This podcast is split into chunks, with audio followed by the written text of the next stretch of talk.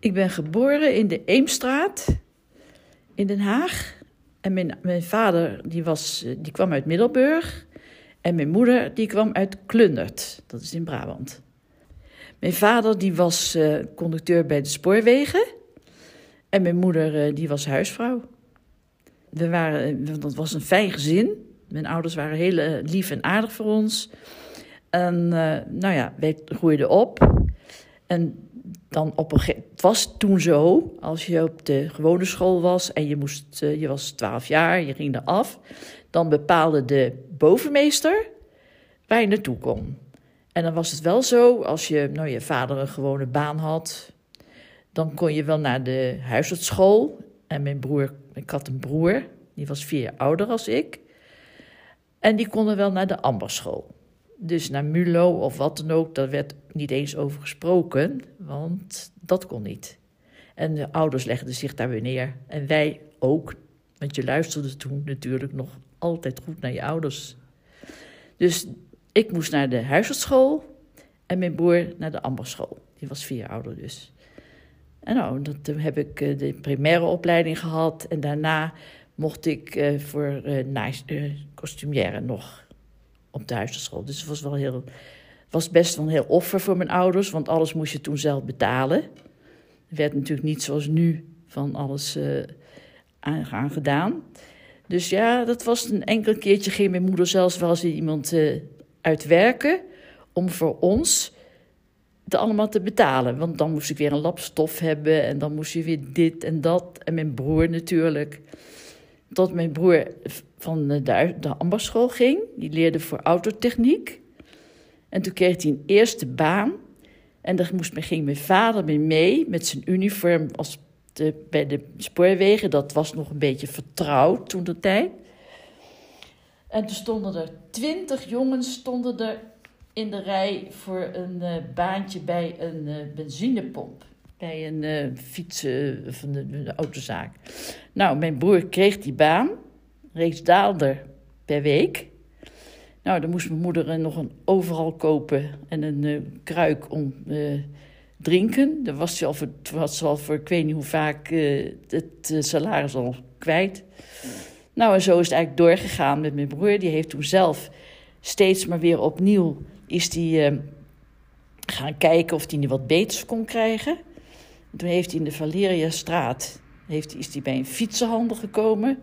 Dan is hij ook een poosje geweest. En toen ging hij bij Wiegel in de Merwedestraat. Uh, en daar is hij de uh, hele tijd geweest, heel lang. En dat was ook voor ons eigenlijk een zegen in de oorlog. Want toen konden we nog wel eens, uh, kon hij nog wel eens wat ja, gedaan krijgen met onderdelen van het een of het ander. En dan ruilde hij dat voor voedsel. Want ja, dat was het belangrijkste des toen de tijd, hè. Maar je had het dus thuis eh, relatief goed. Ja, een, een, gelukkige jeugd. Ja, echt waar. En uh, het was natuurlijk een hele andere tijd. Er moest wel eens wat bij elkaar gesprokkeld worden. Maar in principe had u het daar goed. Kunt u eens omschrijven hoe hoe de wijk toen was. Hoe was, de, was, er, was het saamhorig of waren de mensen echt op zichzelf toen in Den Haag? Nee hoor, we hadden, ja, dat noemden ze het blok. Dat was een beetje een, een vierkant met, met woningen waar we waren. En er waren bijna heel veel mensen van de spoorwegen woonden daar. Nou, en we hadden echt, uh, ja, voor buren deed je echt alles. En net wat meneer Terlouw heeft gezegd, touwtje uit de deur. Dat was bij ons ook zo. En dan mocht je buiten spelen, s'avonds met elkaar. En dan, nou, dan kon je weer naar binnen. Maar je had natuurlijk allemaal, was je dezelfde, ja, had je dezelfde inkomsten. Dus het was bijvoorbeeld geen, geen jaloezie of zo. Dat hadden we toen helemaal niet. En wat ook dat je nu hoort vaak van pesten, dat kenden we eigenlijk niet. En werd er toen, uh, er werd wel eens gesproken natuurlijk over de grimmige jaren 30. Er was, uh, nou in dit geval gaat het dan in dat stukje Nederland dan niet op. Er was veel werk bij de spoorwegen, maar in Duitsland was natuurlijk veel werkloosheid. Adolf Hitler kwam natuurlijk daar uh, op. kregen jullie dat een beetje mee? Boezemde dat misschien wel bij uw ouders ook wat angst in? Of dachten jullie van, ach, dat is een beetje ver van mijn bed? Nee, want door omstandigheden hadden wij een nichtje wonen in Duitsland. Dus regelmatig gingen wij naar Duitsland, omdat mijn vader vrij reizen had. Mm Voor zo, een paar reizen kreeg je dan voor niks. En dan gingen wij naar die familie en in 1935 waren wij daar ook. En toen zagen wij toen al dat er in de straten bij Jodenfamilie werd er de, de, de, Ze hadden toen al van die ja, bedzakken, noemde niks, maar zoals wij ze nu hebben, hadden we toen nog niet natuurlijk. Maar er werd het opengesneden en dan zag je zo dat ze gewoon die veren alles naar buiten. Dus toen sloeg ons wel de schrik om het hart. En on, de familie waar we dus waren, die waren fel anti-Hitler. Maar dat, ze mochten zelfs niet eens zeggen dat. Want we zaten in een restaurant en toen kwamen er van die bruinhemden binnen. En die kwamen voor de. Uh, collecteren voor het een en ander. En toen zei ze tegen ons: Holt je snoede. Dat wij niets moesten laten werken, dat wij Hollanders waren. Dat had ze eigenlijk aan moeten geven. En dat heeft ze niet gedaan. Dus wij zeiden niets en, uh, en zei nee, nee, danken.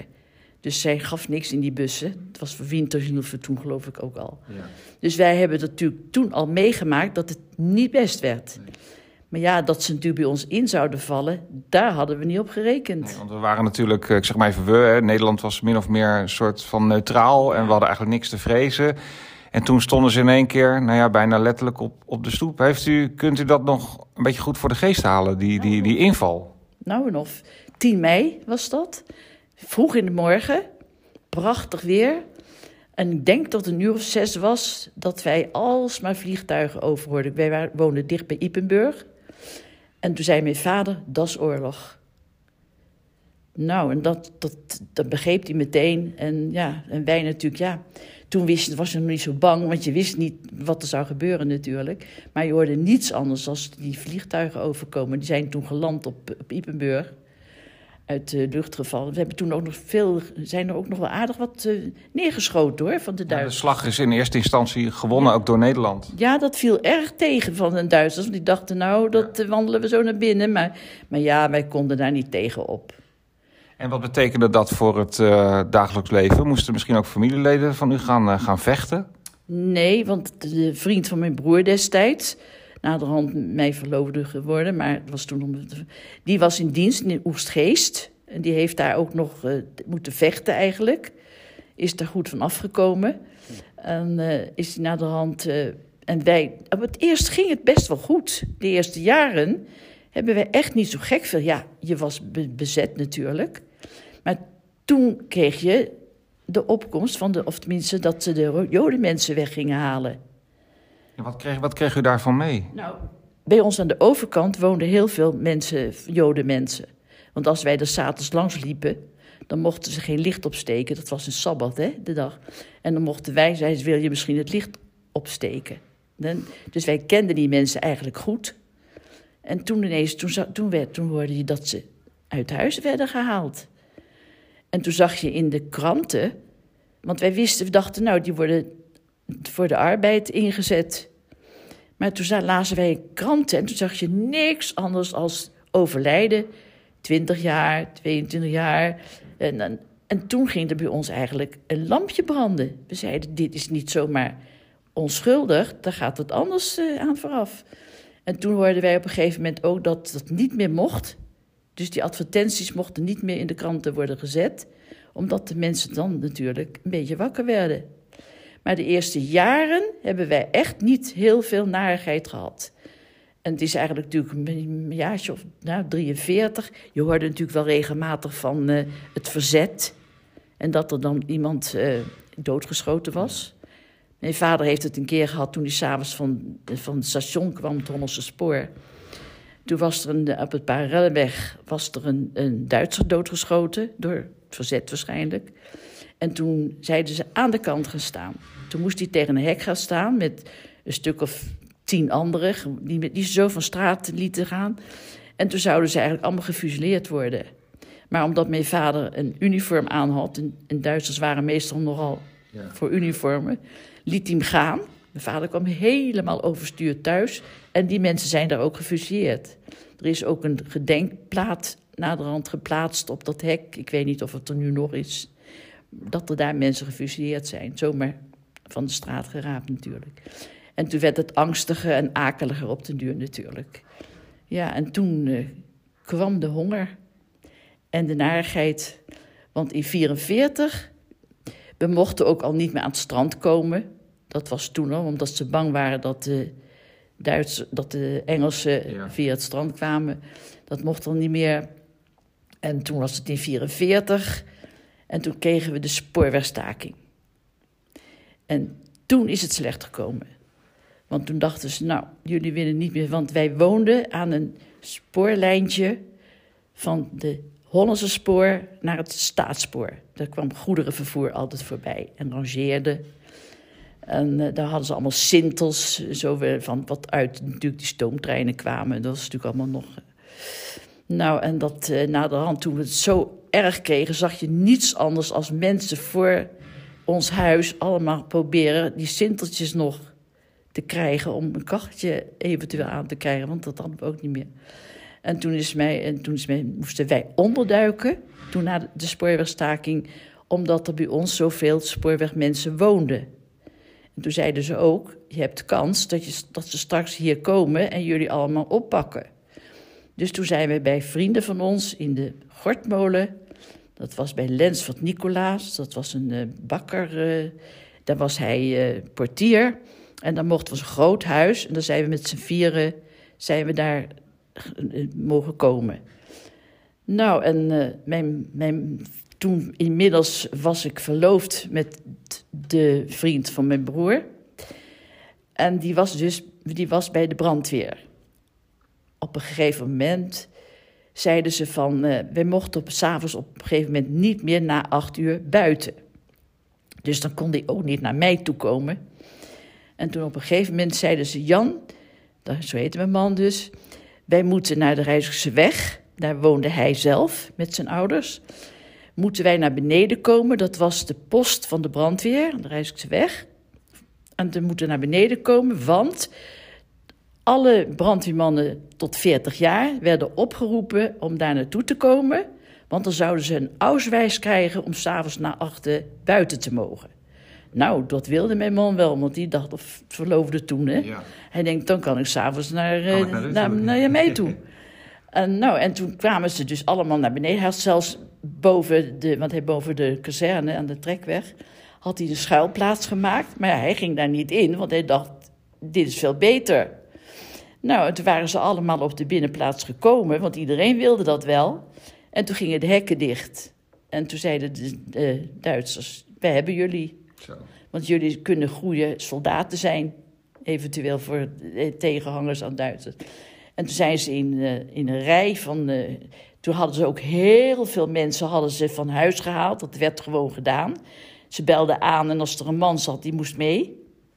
Ze- eh, ja, wat je bij je had, eh, je kon gauw nog even wat kleding en verder niet. Maar zij hadden natuurlijk uniform, de brandweer. Dus die, hadden dik, die waren dik gekleed. Maar fijn, ze werden via de Rijswijkse weg naar de Laakhaven vervoerd in Den Haag. En daar werden ze in uh, Rijnaken ge- geladen, in de boten, naar Kampen gebracht. En u had ondertussen geen idee waar uw vriend was. Ja, zijn, zussen, die, het was heel vroeg, dus dat ze naartoe, die, kwamen, die waren gauw naar mij toegekomen. Woonden niet ver van hem vandaan. Nou ja, Jan wordt weggehaald. Dus ik gauw op de fiets daar naartoe. Ik ging naast hem lopen in die rij, huilend. Want ja, daar ging je verloofde. Ja. En toen kwamen er Duitsers en die gingen hie, ten naast me staan om me na te doen. Dat ik huilde. Dus nou ja, toen kwam hij de boot in. Toen, was ik, toen heb ik hem niet meer gezien natuurlijk. Dus toen was hij in Kampen. En toen zijn ze met de trein naar Rees gebracht. En daar, was een, eh, daar waren pannen, waar de pannen droogden. Ik weet niet of u dat wel weet, maar aan de zijkanten was het dus open. Dus het was alleen maar een dak. En daar werden ze ondergebracht. Ook de mensen die zo van huis gehaald waren, en dus minder gekleed waren. Hij zei, mijn man vertelde toen de tijd. We, liep, we, reden, we, lagen op een rijtje dat we elkaar nog een beetje warm konden houden. Want soms de, de, sneeuw kwam gewoon soms naar binnen. Omdat het helemaal. Daar overleden ontzaglijk veel mensen die, dat, eh, die er niet tegen konden. Die geen, eh, dus dat was een heel verschrikkelijk iets. Daar heeft hij tot, eh, het was in november, het was 14 november dat hij opgepakt is. Nee, en 22 november was hij naar kamp. En toen is hij daar gebleven tot eh, voor februari, iets in begin februari. Ze moesten aan het werk. Eh, graven en dingen doen. Toen waren ze erachter gekomen dat mijn man een goede automonteur was. En toen zou hij naar Berlijn gemoeten hebben. Hij dacht, nu moet ik weg zien te komen. En toen heeft hij een. Uh, er werd één keer per week er, was er een wagon, werd er een bus gestuurd, een, een auto.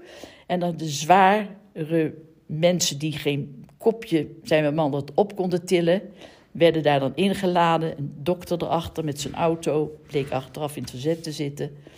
En dan naar Doetinchem gebracht. Dus naar, de, naar Nederland. En toen heeft hij die dokter aangesproken op een keer dat hij hem zag. Hij zegt, kan ik niet mee? En toen zei hij, nee, dat gaat niet. Want ze controleerden bij de uitgang natuurlijk wie er lagen. Maar hij zegt, als je nou zorgt dat je gaat lopen langs de weg...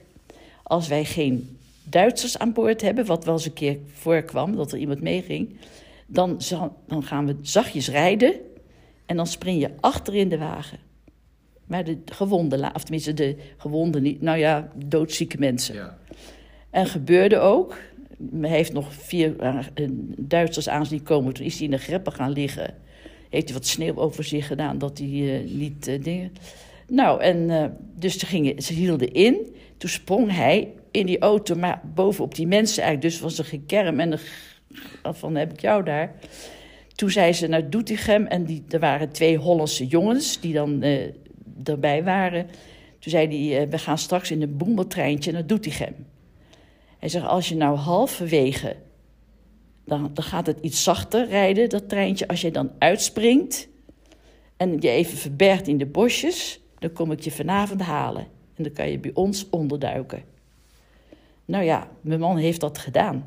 Hij is ook overgedragen toen naar Doetinchem. Dat is allemaal gedoe in het bom, bom dat uh, treintje. Hij is eruit gesprongen, hij heeft zich verborgen. En inderdaad, hij kwam terug. Toen is hij veertien dagen bij zijn ouders geweest van die jonge man die hem raadde. Daar heeft hij uh, ja, boontjes zitten, zitten klaarmaken en aardappelen zitten schillen. En uh, hij ging met de mensen ook mee naar de kerk. Wij waren ook gelovig, die mensen ook. En op een gegeven moment, toen zei de boer: Jan, daar komen de zwarte.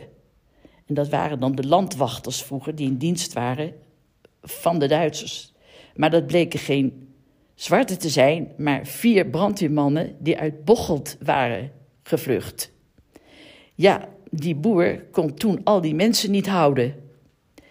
En toen zei ze, ja, dan moeten we maar zien dat we naar Den Haag komen. Liepen toen ook al een beetje natuurlijk op het eind. Het was natuurlijk al 45 inmiddels. Ja. Vier, eind 44. Ja, nou, en dat hebben ze gedaan als een soort detachement. Mijn man daarnaast, die, had, die was hoofdbandwacht. Dat was dan weer iets hoger die man. En toen zijn ze zo over allerlei omzwervingen hier en daar in schuren geslapen natuurlijk. Want ja, het was lopen naar Den Haag. Dat was niet zo'n klein stukje van Doetinchem vandaan natuurlijk. Zijn ze, en toen was, waren ze bij een pont. En toen zei die pontwachter... jullie zijn zeker gestift, zoals dat noemde toen de tijd.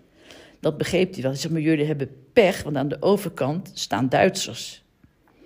Nou ja, ze moesten overvaren, het kon niet anders. Dus toch maar gedaan. En mijn man die deed toen van, geef, acht. Net gedaan alsof hij in een... Uh... en dat, dat, dat lukte. Dus toen zijn ze doorgegaan. Ja, hier en daar kregen ze wat te eten onderweg. Want er was natuurlijk die kant nog wel wat, maar bij ons helemaal niks meer. Nou, toen is hij om 17 februari is hij bij ons aangekomen op, op het onderduikadres van ons. Want hij durfde niet naar huis, omdat hij bij de kazerne woonde. Maar ja, die mensen daar, die konden ook hem er niet meer bij hebben, want wij hadden bijna ook geen eten meer. Dus toen zeiden we, nou ja, dan moeten we maar naar ons eigen huis terug. En toen liep het al af, het was natuurlijk maart, al begin maart, of tenminste februari, 17 februari is hij teruggekomen. Toen zijn we naar ons huis gegaan en toen kregen we al bonnen van het, van het Rode Kruis. Hè, van, die, van die vliegtuigen die met eten kwamen. En dan kreeg je ook, kon je witte brood krijgen eh, eh, op een bon. En dat zou hij halen. Dat zou in de Theresiastraat zijn in Den Haag. Op 3 maart. En uh, Nou ja, dus hij is gelopen naar de Therese, want fietsen deed je niet, want je, werd, je fiets werd afgepakt. Dus hij is naar de. Maar de stond in die winkel. Nu is het hier niet, het is in de korte poten. Dus mijn man weer naar, of tenminste verloofde toen, naar de korte poten. En toen is dat bombardement gekomen. Dus als hij daar had gestaan, want je moest natuurlijk in lange rijen staan voordat je natuurlijk aan de beurt was, dan had hij daar ook in de Theresiastraat, was dan ook omgekomen waarschijnlijk. Dus het is ongelooflijk goed geweest dat daar niet die dag dat brood gaven. Nou, en uh, daar woonde een vriendin van mij met uh, alle uh, gezinsleden. Het was een groot gezin. En toen zaten, waren we thuis om een uurtje of half elf. En daar kwam om de hoek de vader van mijn vriendin met een dochter. En toen bleek daar de moeder en zes personen van omgekomen te zijn door het vergissingsbombardement van de Engelsen. Want u heeft hier ook een, uh, een rouwkaartje op tafel liggen. Kunt u dat er eens bij pakken? En misschien is het wel mooi om die, die namen nog eens even voor te lezen, wie dat dan waren. Nou, dat was de moeder. Dat was mevrouw Heemskerk en die was werd 53 jaar. Dan was het Ameruk, dat was een zoon van 25 jaar. Adriaan, die was 24 jaar. Trudy was 18 jaar. Dirk 17 jaar. Abraham 8 jaar. En mijn vriendin was 33 jaar. Die zijn allemaal omgekomen in dat huis. En daarboven woonde ook nog, het was een bloemenzaak, hadden ze daar. En daarboven woonde nog een jong echtpaar, is ook omgekomen. En er was ook nog iemand die kwam schuilen en die is ook omgekomen. Dus in dat huis vielen heel wat mensen te betreuren. En kunt u eens vertellen hoe dat, uh, ja, toen de stofwolken letterlijk weer waren opgetrokken, hoe, wat, wat trof u daar aan toen? Nou, niets. En ik ging dan, ik, ik was in de Altingstraat, uh, ging ik uh, nog alles naar kennis en dan ging ik er langs. En dan vond ik wel eens wat geld ertussen, tussen de puin. Het was één grote puinhoop, want bij hun was een voltreffer gevallen. En dan weer eens een stukje van haar japon. Dat ik dacht, ach, dat is van Jikke. Maar ze hadden ook nog vier broers die in Duitsland te werk werd, waren gesteld. En die kwamen op een gegeven moment heel vrolijk naar huis. En toen zag de drogist die daar in de, in de Charlotte, ja, de, de naam Charlotte Bos, weet ik niet precies meer. En die zag ze thuiskomen, die kende hen goed. Dus die riep ze binnen. Want zij gingen gewoon naar hun ouderlijk huis, wat er niet meer was. En toen heeft hij ze binnengeroepen en gezegd wat er gebeurd was. En ze hadden een dochter, een getrouwde dochter in de Frederikstraat. Had ook een bloemenzaak. En daar zijn ze toen naartoe gegaan. Maar ja, hun moeder was er niet meer. En hun broers en zussen, die waren er niet meer. Dus het was een hele droevig iets. En dat was natuurlijk nog maar één familie. Er zijn natuurlijk veel meer mensen daar ja. gesneuveld. Hoe groot was het verdriet daar? En is, is de wijk, zijn de mensen daar ooit eigenlijk nog bovenop gekomen? Vaak hoorde je dan wel dat die generatie er eigenlijk niet meer over heeft gesproken. Was dat zo? Of... Nee, dat, het was inderdaad ook een slagersgezin. Wij waren kerkelijk. We kerkten in de Oosterkerk tegenover het gebouw voor kunst en wetenschappen. Er waren bij ons een heel veel mensen overleden uit de kerk. Ook een gezin, de slager met zijn drie kinderen, kinderen, heel gezin ook. En ja, we waren echt verslagen. Maar ja, degene, de, toen is het natuurlijk vrij gauw de bevrijding gekomen. Ja, en dan ga je weer uh, opnieuw proberen en, je leven op te pakken. Want we hadden natuurlijk niets gehad in die oorlog. We, moesten, we, we hebben een fiets in de kamer gezet, want om acht uur ging het licht uit. En dan zag je niks meer natuurlijk. Alles moest verduisterd worden en zo. Dan zetten we de fiets in de kamer. En dan de ene keer ging mijn broer fietsen. Dan konden we bij het licht van de, van de lamp konden we nog wat lezen. En de andere keer was ik weer aan de beurt natuurlijk een poosje. En zo kwamen we dan de avond een beetje door. Maar we hadden zoveel kou en honger dat we heel vlug naar bed probeerden te komen om een beetje warm te worden natuurlijk. De laatste maanden is het heel akelig geweest. En toen was het moment van de bevrijding daar. Hoe lang duurt het dan eigenlijk weer? We hebben de term de afgelopen jaren natuurlijk ook weer een beetje gehoord... dat alles weer een beetje naar het, het oude normaal gaat. Hoe lang heeft dat geduurd voordat, voordat Nederland weer een beetje normaal was? Nou, dat heeft nog wel aardig lang geduurd. Want uh, we konden ook nog weinig kopen natuurlijk. Het was, je kreeg bonnen voor als je dus een paar schoenen nodig had, textiel zo. Maar ja, dat was er ook vaak niet eens. En toen in 47 wilden wij graag gaan trouwen. Want je had. En toen moest je ook allemaal bonnen hebben. Met ondertrouw kreeg je dan een kaart. Met... Maar dat kon je lang niet altijd op krijgen. Want er was bijna niks. Dus van de ene familie kreeg je, kon je eens een, een radio krijgen. En de andere die wist weer aan een kachel te komen. En dat is nog een paar jaar heeft dat aardig geduurd hoor. Dat we echt uh, niet veel. Maar ja, je was zo dankbaar dat je bevrijd was. Dat, dat pakte je eigenlijk wel. Dat je, je was ontzettend blij. Daarom waren er ook altijd van die, van die spelen op straat met muziek. En, en daar ging je iedere avond naartoe. En het was echt toen, nou, we waren zo blij dat het achter ons lag, tenminste.